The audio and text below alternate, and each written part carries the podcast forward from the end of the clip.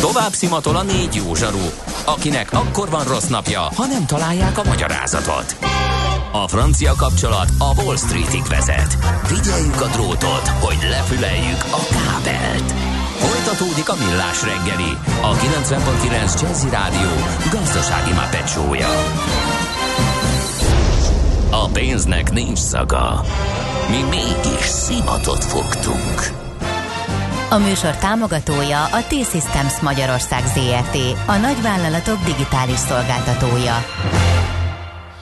Köszönjük a kedves hallgatókat, megyünk tovább. Még van egy szűk egy óránk, vagy bő három óránk, nem, az is szűk a műsorból. Itt a Millás reggeliben a 90.9 Jazzy Nács Gáborra. És Gede Balázsa. És 0630 20 10 909 az SMS, WhatsApp és Viber számunk. Azt írja még Zoli hallgató, Morci hallgató, bocsánat, hogy Neil Young írt erről egy számot, hey, hey, moly, moly. tényleg? Igen. És tényleg erről? Hát látod. Én már mindent elhiszek. Macska azt írja, hogy a belgák, a szerelmes vagyok, az van finnül. Ne. Ő úgy emlékszik. Megkeressük. Figyelj, most már nem tudom, csak szivatnak minket a hallgatók, vagy pedig... Hát most már minden lehet. Úgyhogy szerintem ballagjunk is tovább valami komoly témával. Nem tudod, mi az üsző? Még sosem forgatta a látszatolót? Fogalmat sincs, milyen magas a dránka? Mihálovics gazda segít? Mihálovics gazda, a millás reggeli mezőgazdasági és élelmiszeripari magazinja azoknak, akik tudni szeretnék, hogy kerül a tönköly az asztalra. Mert a tehén nem szálmazsák, hogy megtömjük, ugye? A rovat támogatója a Takarékbank. Hát ez jó komolyra sikerült. Egy komoly bőgés lett, igen, belőle. Igen. Egyből. Na hát majd mindjárt elmegy a jókedv, mert hogy drágább lesz a szaloncukor, meg a csökkű Mikulás is a nyersanyagpiacon tapasztalható drágulás. Miért hagyta volna ki a kakaóbabot, meg egyáltalán azokat az alapanyagféleket, amik kellenek ezekhez a nyalánkságokhoz, amelyeknek éppen szezonja van, vagy közeledik. Hát azért mondom, hogy van, mert én már ízlelgetem a kínálatot, én mindig egy kicsit előre hozom. Ugye, Én is, Ja, igen. jó, hát igen, ez sem lep meg. Úgyhogy én azt gondolom, hogy az egész hónap a szezonja ennek. Intödi Gáborral, a Magyar Édeséggyártók Szövetségének főtitkárával nézzük át a trendeket, és hogy mi várható, amikor a pénztárhoz érkezünk a kosarunkban lévő különböző ünnepi nyalánkságok kapcsán. Jó reggelt, szia! Jó reggelt kívánok, szervusztok! Na hát mire készülünk? A drágulás szinte borítékolható, de miből tevődik össze, és milyen mértékű, amire számítotok? Kereskedelmi szempontból milyen fogyást vetítetek előre? Nézzük egy kicsit a piacot. Így van. Idén még a drágulással egyáltalán találkoznak vele a fogyasztók, az enyhébb lesz, de rendszerűen egész biztos, hogy, hogy az édességek drágulni fognak. Egyébként ez félig meddig azért az egész élelmiszerpiacra igaz, és valóban a nyersanyagárak emelkedése az, az egy meghatározó dolog. Ha most csak leszűkítjük az édességekre, gyakorlatilag minden, ami az édességhez kell, megdrágult, megdrágult a cukor, csokoládé, növényi olajok. De azért azt hozzátenném, hogyha mm, kicsit részletekbe belemegyünk, aztán ezzel nem akarok senkit nagyon traktálni, ha, ha végignézzük egy ilyen meseszerűen, hogy mondjuk hogy kerül a, ha nem is a tehén az asztalra, de mondjuk a kakaó az asztalra, akkor, akkor ugye ott kezdődik az egész, hogy a kakaótermelő országok élükön elefántcsonttarttal és szeretnének egy kicsit jobb megélhetést, körülményeket, oktatást, egészségügyet biztosítani a termelőiknek, farmereiknek, azoknak, akik leszedik a kakaóbabot, tehát ott emelkedik a munkaerő költsége, ott is nehezebb a munkaerőt megtalálni, ezt felrakják a hajóra, a szállítás költsége nagyobb, az energiaköltsége nagyobb, ezt kirakják Rotterdamban, ott a magyar munkásnak is többet kell fizetni, mert Magyarországon is emelkedtek a bérek, utána ezt elszállítják valahol, ahol megpörkölik a kakót a drágább elektromos árammal, uh-huh. és aztán feldolgozzák egy csokoládé üzembe, ahol megint sok minden megdrágult. Tehát gyakor- gyakorlatilag Tényleg minden fázisban, megdrágult. uh-huh. igen, jelen van a drágulás. Um, jó, hát és ezt kérdés, hogy, hogy majd milyen mértékig, vagy milyen nagyságban tudják érvényesíteni a gyártók mm, az áraikban. Igen, ez egy nagy kérdés. Azt tudjuk, a gyártóktól kapott visszajelzés alapján nagyon kemény meccseket folytatnak a kereskedőkkel, tehát a kereskedők nem szívesen fogadják be az áremeléseket, a gyártóknak pedig egyszerűen pont az előbb említett tények miatt muszáj árakat emelni, de eh, azt gondolom, hogy, hogy ebből inkább a jövő év első fél évében fognak többet érzékelni a fogyasztók. Idén karácsonykor mondjuk azt uh, találják majd, hogy ebben a szezonban, hogy terméktől, gyártótól, körülményektől függően valami esetleg egy, egy 4, 5, 6, 7, 8, esetleg maximum 10 kal megdrágult. Uh-huh. Milyen szokott lenni egyébként a fogyás, tehát milyen volumenről beszélünk, szaloncukor, meg csoki Mikulás esetén mondjuk, hogy a két legnépszerűbb ilyen édességet vegyük alapul, és ez volumenében hogy alakulhat az idén? Elég stabil ezeknek a termékeknek a fogyása, erre egy gondolat elég mindjárt visszatérek a számok után. Mikulásból kb. 8 milliót fogyasztunk el, tehát szinte minden ember megeszik egy Mikulás nagy átlagban. Stimmel. És ez, ezeknek a forgalmak, hát igen, valaki, aki nem arra megjut egy olyan, aki kettőt. Igen. és a, a, ezeknek a forgalma úgy 2 milliárd forint körül alakul. A szaloncukor értékesítés az kb. 8 milliárd forint értékű, és ez olyan 3500 tonnát jelent. Mi ezt várjuk idén is, és még annyi gondolatot el szeretnék hozzáfűzni, hogy az mutatja legjobban ennek a karácsonyi piacnak a stabilitását, hogy ez még 2020-ban, tehát az első járvány karácsonykor sem zuhant meg, gyakorlatilag ugyanezeket a, a számokat hozta, miközben például 2020 húsvétje az, az gyakorlatilag tragikus volt a magyar édességpiacon. Aha, uh-huh. tehát járvány ide infláció oda azért a, a karácsonyi uh-huh. nyalánkságot kipasszírozzuk. A ha már, ha már konkrétan a Csoki Mikulások szóba kerültek, ugye pár éve egy érdekes történet volt, hogy az olcsó csoki Mikulás, amely nem csak tejcsokoládéból volt, ugye ellepték a piacot ezek a tejbevonó massza, mm-hmm. mi volt? Csak... Kakaómassza, igen, Kakaómassa. massa, bevonó massa, bocsánat. Aztán ugye el is tűntek. Itt tényleg az történt, hogy a fogyasztó annyira tudatos volt, és megunta, hogy az sokkal rosszabb, és elkezdte nézni, hogy pontosan az tejcsoki Mikulás, vagy bevonó masszás, és inkább megvette a drágábbat a normális csoki Mikulás? Vagy ez, mi történt itt pontosan, mert utána hirtelen eltűntek ezek a tejbevonó masszás szörnyűségek? Igen, ez egy, ez egy nagyon jó hír, és ez részben egy, egy évek óta tartó tendenciának az eredménye. Nem csak a Mikulás, de más édességek tekintetében is ez már egy jó 6-8 éve tart a és ez sem törte meg a járvány egyébként. Uh-huh. Fogyasztók egyre inkább a minőségi édesség felé fordulnak. Akár azon az áron, hogy inkább egy picit kevesebbet vásárol, de, de hajlandó érte többet fizetni és ez, ez a karácsonyi édességeknél még hatványozottabban igaz, tehát egyre kevésbé keresték ezeket a fogyasztók, inkább megvették a drágábbat, természetesen a gyártók sokkal inkább, ők is, ők is sokkal nagyobb örömmel gyártanak magasabb kakaótartalmú csokoládékat, és nem pedig valami bevonó masszás történetet. Úgyhogy ez egy nagyon jó együttjáték volt, és például szaloncukor tekintetében a magyar élelmiszerkönyv is szigorodott az idők folyamán, és nagyon komoly előírásokat tartalmaz arra, hogy egyáltalán mi az, amit szaloncukornak lehet nevezni. Uh-huh. Ott, ott még mindig a zselés a sláger? Mit lehet elmondani? Így van. Aha. Így van, tehát a zselés az a 70-es évek óta, amikor kiszorította a, a nagyon kemény, szerintem biztos vannak még, akik emlékeznek rá a az ilyen fog, foggyűvő, kemény hát, konzumtalan cukrot. Igen, az viszont sokáig tartott, abból nem kellett annyi. Azt hívták mire. konzumnak? A, kon, az, az, hiszem, igen, igen, ilyen kristálycukor volt kívül, ugye, hogy Aha. egy jó ilyen ropogjon, és akkor belül is elég kemény volt. Uh-huh, és akkor nagy, nagy üzem volt a fogászatokon január elején. Igen. ez lehet, hogy a fogorvosoknak egy picit rosszabb hír, de, de a 70-es évek óta nagyon stabilan keresik a vásárlók uh-huh. a zselés szaloncukrot, most is az eladások 50-60 az zselés szaloncukor. Mennyire nyomult be erre a piacra ez a bio-vegán hullám? Ott, ott mit lehet elmondani, ilyen, hogyha már termékfejlesztésről, változásról beszélünk? Itt is benyomult. Az édességeknél viszont egy nagyon érdekes kettősség az, hogy, hogy van kereslet sőt egyre növekvő és, és szélesedő kereslet a különböző diétás igényeket kielégítő, ilyenmentes, olyanmentes, cukormentes, bio vagy vegán termékekre, tehát itt is bővül a választék, beleértve a szaloncukrokat is. Um, sőt, itt, itt sok nagyon uh, kicsi cég, vagy egyéni cég, kis cukrászatok is labdába rúgnak, akik ki elkészíti a saját maga valamilyen különlegességét.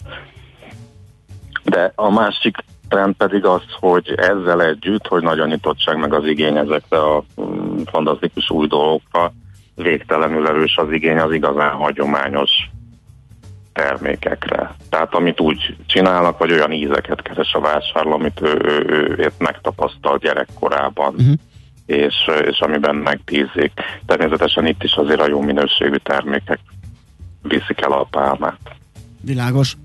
Jó, hát köszönjük szépen ezt a kis körképet, akkor ezzel az optimizmussal állunk elébe, hogy az árak csak mérsékelten emelkedhetnek, a minőség az jelentősen javult, és gyakorlatilag elérhető az összes hagyományos termékféleség. Köszönjük még egyszer, és sok sikert a szezonhoz. Nagyon szépen köszönjük. Viszont hallásra. Viszont hallásra. Intődi Gáborral, a Magyar Édességgyártók Szövetségének főtitkárával beszélgettünk egy kicsit az ünnepi szezonról, szaloncukorról, Csoki Mikulásról. Mihálovics gazda most felpattant egy kultivátorra, utána néz a kocaforgónak, de a jövő héten megint segít tapintással meghatározni, hány mikron a gyapjú. Hoci a pipát meg a bőrcsizmát. Most már aztán gazdálkodjunk a rézangyalat. A rovat támogatója a Takarékbank. A szerencse fia vagy? Esetleg a szerencse lánya? Hogy kiderüljön, másra nincs szükséged, mint a helyes válaszra. Játék következik.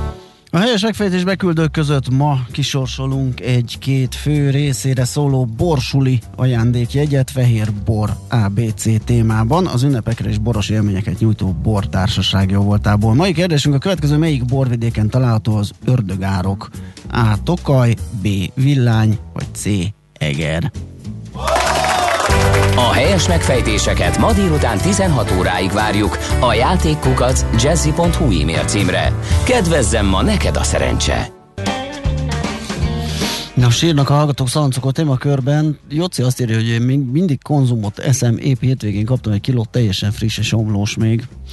Hát. Mert ott is fejlődött a technológia szerintem. Biztos vagyok benne, mert az, abban, az, az formában és minőségben nem lehetne az adni. Nem 80-as években. Egy, egyébként az is valahogy olyan volt, mint hogyha lett volna egy pillanat, amikor, amikor jobb volt, Aha. de az esetek többségében száraz. Ez főleg a pirosnál fordult elő, hogy így bele lehetett futni ilyen lágyabba, uh-huh.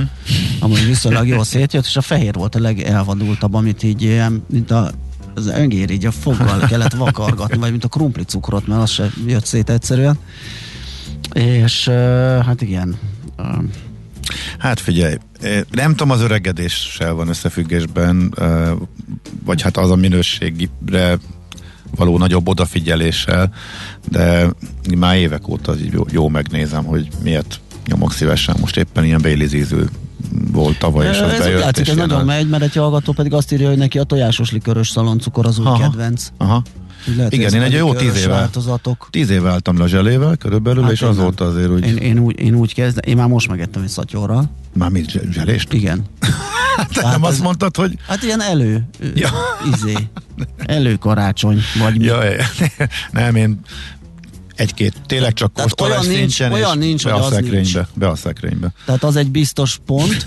Ja, ja nem, hát ezzel vettem hármat, mert tudtam, hogy egyet meg fogok venni. Ja, és akkor kettő ment a szekrénybe. Tehát az, az a fix pont a zselés szaloncukor, és amellé jöhetnek az egyik nyalánkságok, nagyszemű mogyorós, meg bármi. Szigorúan az egészséges életmód jegyében. A, a, a hétvégén voltam egy ilyen nagy szűrő jamborin az egyik parkolóban, egy ilyen mobil szűrésen, és nagyon jó eredményekkel távoztam, úgyhogy hazamentem és meg is ettem még egy marék szaloncukrot. Hát, ezt nem, dobozza, jó, oké, meg, megnyugtató, hogy csak marékkal. Vércukor, meg minden rendben volt, úgyhogy Úgyhogy gondoltam, hogy belefér egy kis, egy kis rombolás. Na, hírek jönnek megint Czoller Anditól, utána még visszajövünk tőzsdenyítással, megnézzük, mit hoz ez a mai nap, és Heuréka rovatunkban pedig arról fogunk beszélgetni, hogy hogyan befolyásolja a mesterséges intelligencia a jövő munkavállalóit. Kis Gergely az Attraktóz ZRT vezérigazgatója lesz ebben a partnerünk. Műsorunkban termék megjelenítést hallhattak. Következő műsorunkban termék megjelenítést hallhatnak. Kősdei és pénzügyi hírek a 90.9 jazz az Equilor befektetési ZRT szakértőjétől. Equilor, 30 éve a befektetések szakértője. És Józsa Bence junior elemző van itt velünk. Szia, jó reggelt! Jó reggelt, üdvözlöm a hallgatókat! Na, hogyan nyitottunk a pénteki, hát mondhatni kicsit vérfürdős nap után? Igen, hát pluszban nyitottunk, a Box Index 0,9%-os emelkedés mutat, amikor most beszélünk, 51.417 ponton a jegyzés.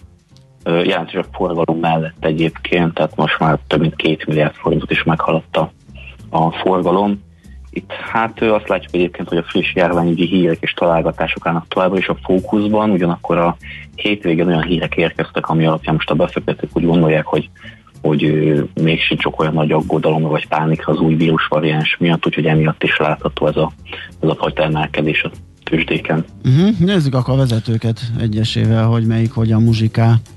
A vezetőket tekintve az OTP vezeti a listát 1,9%-os emelkedéssel 17.460 forinton, 325 forintot emelkedett idáig, mai nap során ezt követően az Magyar Telekom 425 forinton áll, 3 forintos pluszban 0,7%-ot emelkedett idáig, a MOL árfolyama 0,9%-os pluszban 2472 forinton, míg a Richter 0,1%-os pluszban 8635 forinton áll a jegyzés.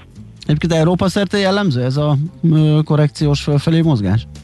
Azt látjuk egyébként, igen, hogy Európa, európai részvényindexeket is vásárolják vissza most a befektetők, illetve most a, az amerikai uh, futures árakon is ez látható. Uh-huh. Forintpiac, meg a devizapiac, mert a dollárt is érdemes említeni, ugye itt uh, ott is volt egy masszív gyengülés a hétvégén. Mi újság? Igen, a euróforint árfolyam az most 368,06 forint, itt 0,3%-ot erősödött a, forint, 1,2 forinttal vagyunk lejjebb. Az, a dollárforint az 326,6 forinton áll, 0,4 forintot emelkedett az árfolyam, az euró-dollár pedig 1,1270-en áll, itt is fél forintot vagy bocsánat, közel fél százalékot erősödött a dollár. Uh-huh. Jó, hát majd meglátjuk, hogy mi lesz ebből, ugye eléggé ilyen hír vezérelt lesz, gondolom a kereskedés, ahogy jönnek az új variánsról az infók. Úgy. Így van, hát most vagy... a következő egy-két hétben arra lehet éppen számítani, hogy ezek a járványügyi hírek és találgatások állnak majd itt a fókuszban, tehát erre érdemes majd figyelni, ez fogja főleg vezérelni a következő időszakban a befektetéseket. Most a WHO azt mondja, hogy itt az elkövetkezendő egy-két hétben ez már kiderül, hogy valójában mennyire kell aggódni az új variáns miatt. Aha, utána meg jönnek a gyógyszergyártók, akik meg arról számolnak be, hogy a vakcinák mennyire hatásosak, hogy kell -e utána igazítani. Oké, okay, meglátjuk. Pontosan. Köszi szépen, szép napot, jó Köszönöm. munkát neked, szia! Viszont. Hello, sziasztok! Józsa Bencével, junior elemzővel néztük át a tőzsdenyítás részleteit. Tőzsdei és pénzügyi híreket hallottak a 90.9 jazz az Equilor befektetési ZRT szakértőjétől. Equilor, 30 éve a befektetések szakértője. Volt már olyan érzésed, hogy megtaláltad a választ? Aha, aha, aha. Heuréka élmény. Jövő kutatás a millás reggeliben. Csak jövő időben beszélünk. Na hát arról fogunk váltani pár szót, hogy olyan befolyásolja a mesterséges intelligencia a jövő munkavállalóit. Ugye ez egy nagyon népszerű téma, mert hogy... Egy, van egy ilyen para, hogy... Van egy ilyen para, hogy az egész, nem is csak a, tehát az egész digitalizációs folyamat és ugrás az elvehet munkahelyeket, de természetesen újakat is létrehoz. Ugye arról is beszéltünk már, hogy a most általános iskolában ülők lehet, hogy még nincs is meg az a szakma, amit majd fog csinálni Pistike és Julcsika. Úgyhogy izgalmas folyamat, ez Kis Gergely az Attraktor ZRT vezérigazgatójával nézzük ezt át. Szia, jó reggelt! Jó reggelt, sziasztok! Ugye érdemes talán itt az ipari forradalmakat feleveníteni, hogyha már a negyediket futjuk itt a digitalizáció kapcsán, hogy gyakorlatilag minden körben volt ilyen félelem. Így van, így van. Ha, ha a negyediket futjuk, ezt majd a utókor fogja megítélni. ja, igen. Ez az.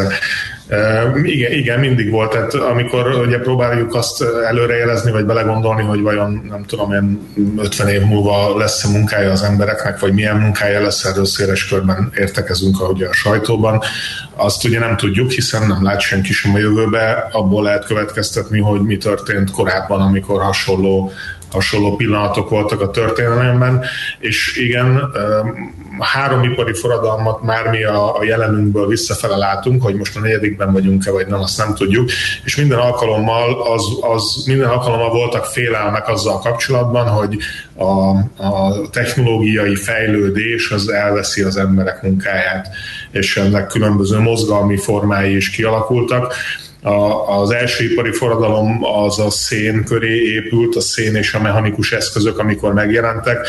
Ugye tanultuk a történelem morán az iskolában, hogy ekkor voltak a géprombolások, Igen. a ugye a ludditák, ludditák mozgalma például, akik a szövőszékeket rombolták, mert azt gondolták, hogy akkor most az új technológiától nekik rosszabb lesz a, a következő ipari forradalomban a, a, a gázolaj és elektromosság, amikor 1870 és ugye az utána lévő időkben nagyon jelentős fejlesztések indultak a, a telekommunikációban, vegyiparban, illetve hát a belső égésű motorok elkezdtek megjelenni, és ez szerintem egy nagyon jól látható, vagy, vagy, vagy így érezhető, beleérezhető példa, hogy amikor a belső és motorok megjelentek, akkor, akkor gondolhatták sokan szállítmányozás, ugye lovaskocsi ezen a vonalon, mezőgazdaság, hogy akkor ez most megint elveszi a mi munkánkat, és ha most 2020-ból visszagondolunk, vagy 21-ből, hogy mennyi-mennyi munkát teremtett a belső égésű motoroknak a,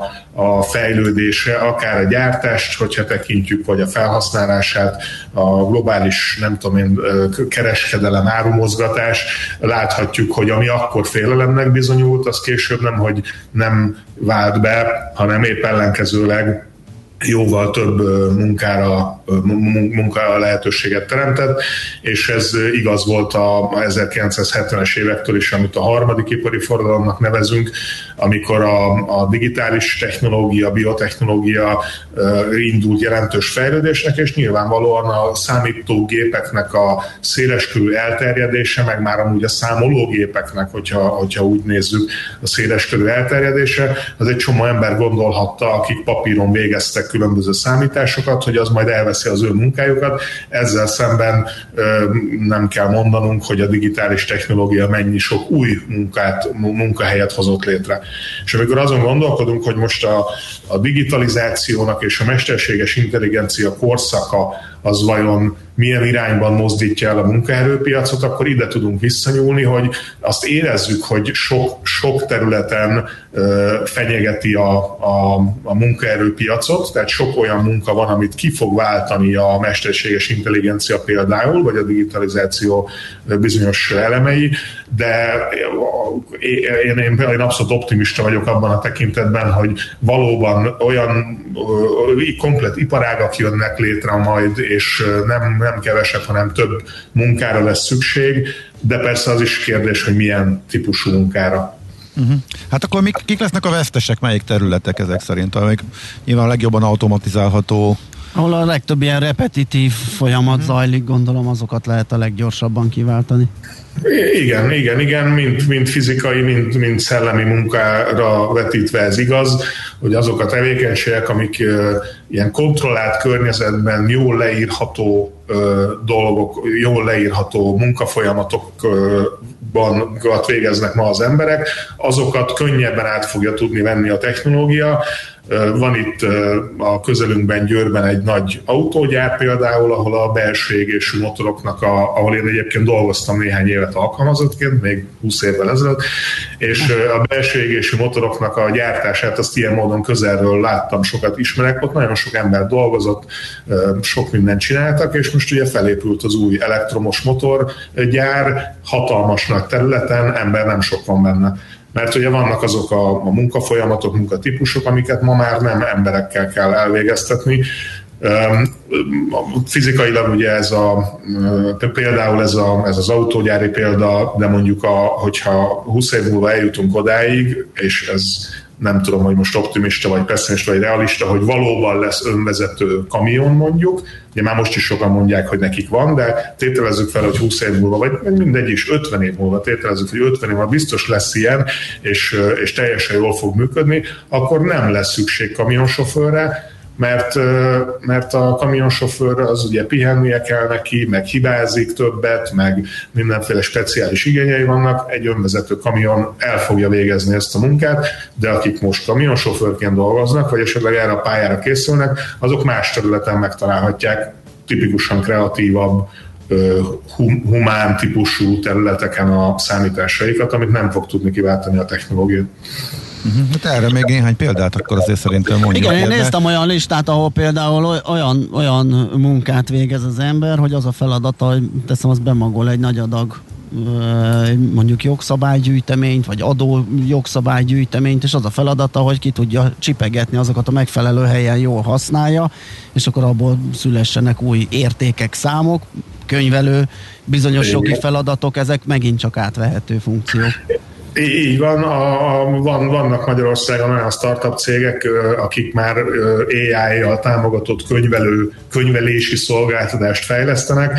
Hogyha ezek sikeresek lesznek, akkor nyilvánvalóan a könyvelők munkájának egy bizonyos részét is átveszik, a, a, vagy átveszi a technológia, illetve igen, a, a jogi cégeknél, és egyébként a nagy, nagy jogi irodák, nemzetközi irodák erre rá is repültek, hogy érdekes módon a jogi cégek elkezdtek a technológia iránt abszolút jelentősen érdeklődni, mert például Amerikában, ahol ugye precedens jog van, ami azt jelenti, hogy valamikor valahol vagy bíró meghozott egy ítéletet, akkor utána azt referenciaként használhatják a, a hasonló esetekben. Ott az ugye innentől kezdve nem kreatív a történet, hanem arról szól, hogy rengeteg sok esetet át kell nézni, meg kell vizsgálni, hogy ott milyen ítéletek születtek, és ez egy automatizálható tevékenység. Tehát ez valóban nem kell majd emberi erő, és mondjuk a pénzügyi piacokon is, vagy ilyen szolgáltatási szektorban is vannak olyan szereplők, például a részvénybrókereket mondhatjuk ilyennek, akiknek a, az automatizáció, digitalizáció, meg főleg mondom az AI-nak ez a prediktív típusú ez szükségtelenné teszi, hogy emberek foglalkozzanak ezekkel a tevékenységekkel. Na oké, okay, ugye van, van egy csomó tevékenység, amit nyilván nehéz automatizálni, de akkor azok mondjuk szinten maradnak, de a, az automatizálható területekről felszabaduló munkerő, az hova mehet? Tehát hol, hol van új hely nekik? Nyilván nem lehet mindenki fejlesztő, meg, meg Hát, hát igen, szóval de a, mo, ez, ez nem egy olyan változás lesz talán, ami így lecsap ránk egy-két-három-négy év alatt. A McKinsey-nek olvastam valami elemzését, ami azt mondja, hogy 20-30-ig ők nem látnak munkaerő csökkenést, hanem azt látják, hogy egy különböző, sok különböző modellt futtattak, és egy ilyen középmodell azt mutatja, hogy a munkaképes lakosság 3%-ának kell feltehetőleg változtatni. Tehát amit mondasz, hogy, hogy sok minden stabil marad, és sok helyen nem történik változás, bizonyos helyeken meg eltűnik a munka. A McKinsey azt mondja, hogy egy ilyen középső modellben, hogy 3%-nak, ami egyébként elég nagy szám, kell váltani. Az, hogy a következő generáció mit fog tudni, illetve ő hol fog tudni elhelyezkedni, az pedig a ma, mai nap oktatásán múlik, és ez visszaköszön az összes ilyen elemzésben, meg cikkben, és, és ezt én, én nagyon szeretném, vagy kívánom az országunknak, hogy, a, hogy az oktatás ügyét azt minden határon túl komolyan kell venni, tehát nem tudom én, tényleg minden határon túl, az oktatással fogjuk tudni megoldani ezt a dolgokat, és ma azok az országok, illetve a jövőben is Kínára például tekintünk, azok az országok haladnak ebben a technológiai versenyben előre, akik az oktatás fázisában ott nyújtanak olyan típusú képzést, ami nem feltétlenül a mai szakmákra hegyezi ki a képzést, hanem a kreativitásra, hiszen, ahogy az előbb is mondtuk, meg az ipari forradalmak példáján keresztül rá is mutattunk, hogy nem tudhatjuk, hogy milyen munkát fogunk végezni 20-30 év múlva. A felvezetőben mondtátok, hogy, hogy sok gyerek ma nem tudja, hogy milyen munkát fog végezni általános iskolában. Hát általános iskolában én sem tudtam, hogy milyen munkát fogok végezni. Ugye mikor 90 körül voltam általános iskolás, 90 körül internet nem volt. Ugye a mozaik Igen. böngésző, az első webes, az első grafikus alapú böngésző, az 93-ban, ha jól tudom, akkor 93-ban született meg, és ma az én munkámnak a nagy része az az internetes technológiák köré épül. Nyilvánvalóan nem tudtam általános iskolában, hogy az létezik, senki sem tudta, és akik most általános iskolába járnak, nagyon hasonlóan igaz ez erre, bedurran itt valami nanotechnológia, vagy quantum computing, vagy az AI olyan szinteket ér el, amikről egyébként beszélünk és gondoljuk, hogy elér. Az exponenciális fejlődés megmutatja magát, és komplett új iparágak, amikről most még csak nem is gondolunk, azokban fognak dolgozni a gyerekeink. Tehát erre érdemes a gyerekeket eh, nevelni, hogy erre készüljenek, hogy nyitottak legyenek, eh, digitális világra készüljenek, az akár gyakori életpályaváltásra is. Igen, igen, igen, de nem csak a gyerek, szerintem ez már ez ránk is igaz, tehát én saját magamra abszolút ugyanígy tekintek, hogy uh-huh nem, nem, nem építek fel magamnak így mentálisan valami karrierutat, vagy valami, hogy majd arra kell menni, hanem pont az, hogy képes legyél kapcsolni a, a pontokon. A, ugye sokat, sokat beszélgetünk erről, hogy a lexikális tudás az, az most jó dolga, vagy nem. Einsteinnek tulajdonítanak valami egy ilyen mondás, nem tudom, hogy ő mondta el, hogy az ember adja nem arra való, hogy információt tároljon benne, hanem hogy dolgozzon vele. És hogy gondolhatnánk, hogy ez abszolút igaz, mert a zsebedben van az egész Wikipédia, akkor miért kéne neked információt tárolni? De, de ezzel szemben én meg úgy gondolom, meg egy kicsit úgy gondolok vissza ezekre a nem tudom, történelem óra, meg biológia óra, meg fizika óra, meg kémia óra a különböző iskolákban, hogy ezek a az alapépítőköveket tették le ahhoz, hogy az ember ezeket mindig tudja kombinálni. És akkor, akkor ez, gyakorlatilag ez a kreativitás, hogyha ez nincs meg a fejedben, arra hagyatkozol, hogy majd neked nem kell info a fejedbe, mert majd te nem tudom én kreatív leszel, ha nem tudsz mire építeni. Igen, egy al- alapeszközkészlet kell ahhoz, hogy tudjon az ember kreatívan gondolkodni. Valóban nem kell valószínű mindent bepakolni, tehát nem kell történészé válni, de egy alaptörténeti ismeret kell, és minden tárgyban valamiféle alapozás biztos, hogy kell. Így van, így van. A Amerikában a, a, a, ezzel kapcsolatos stratégia egyébként pont az, hogy a természettudományos képzéseknek a, ugye azt szorgalmazzák a, a tanácsadók, hogy a természettudományos képzéseket kell erőltetni, fejleszteni, beleverni a gyerekekbe. Ez a következő egy-két évtizednek a stratégiája.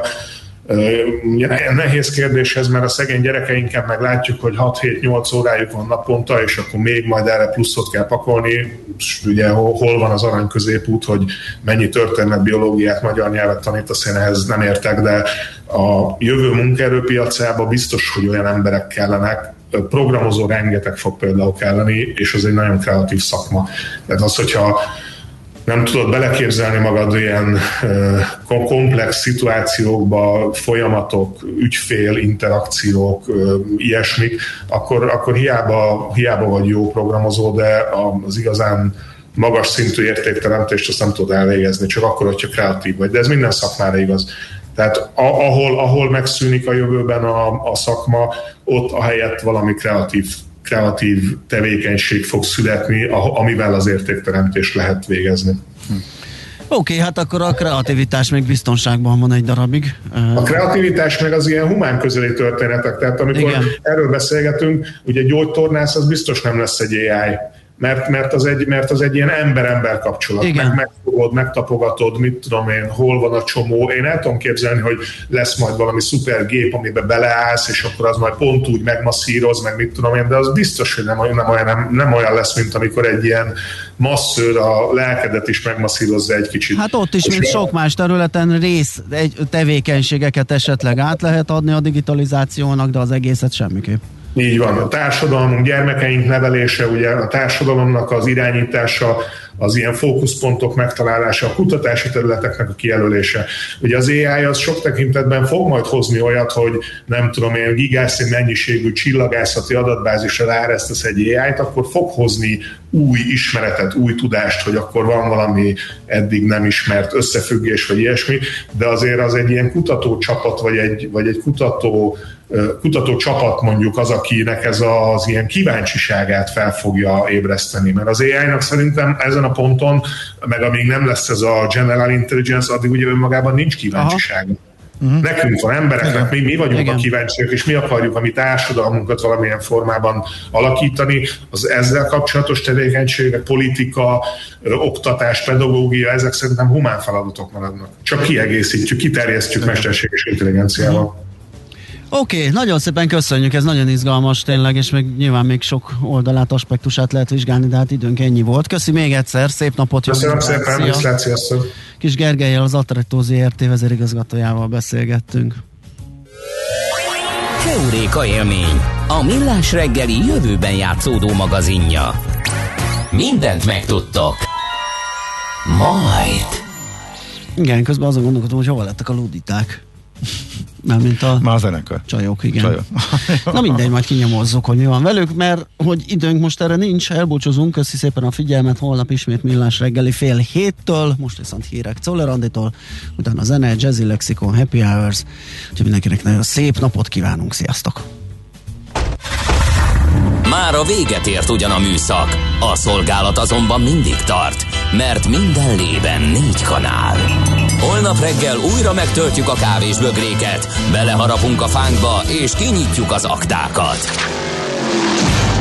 Addig is, keressetek minket az arcaktákban, a közösségi oldalunkon. A mai adás podcastjét pedig holnapunkon. Millás reggeli, a 90.9 Jazzy Rádió gazdasági mapetsója. Ha csak egy műsorra van időd idén, tégy róla, hogy ez legyen az. Csak egy dolog lenne még. A műsor támogatója a T-Systems Magyarország ZRT, a nagyvállalatok digitális szolgáltatója. Műsorunkban termék megjelenítést hallhattak.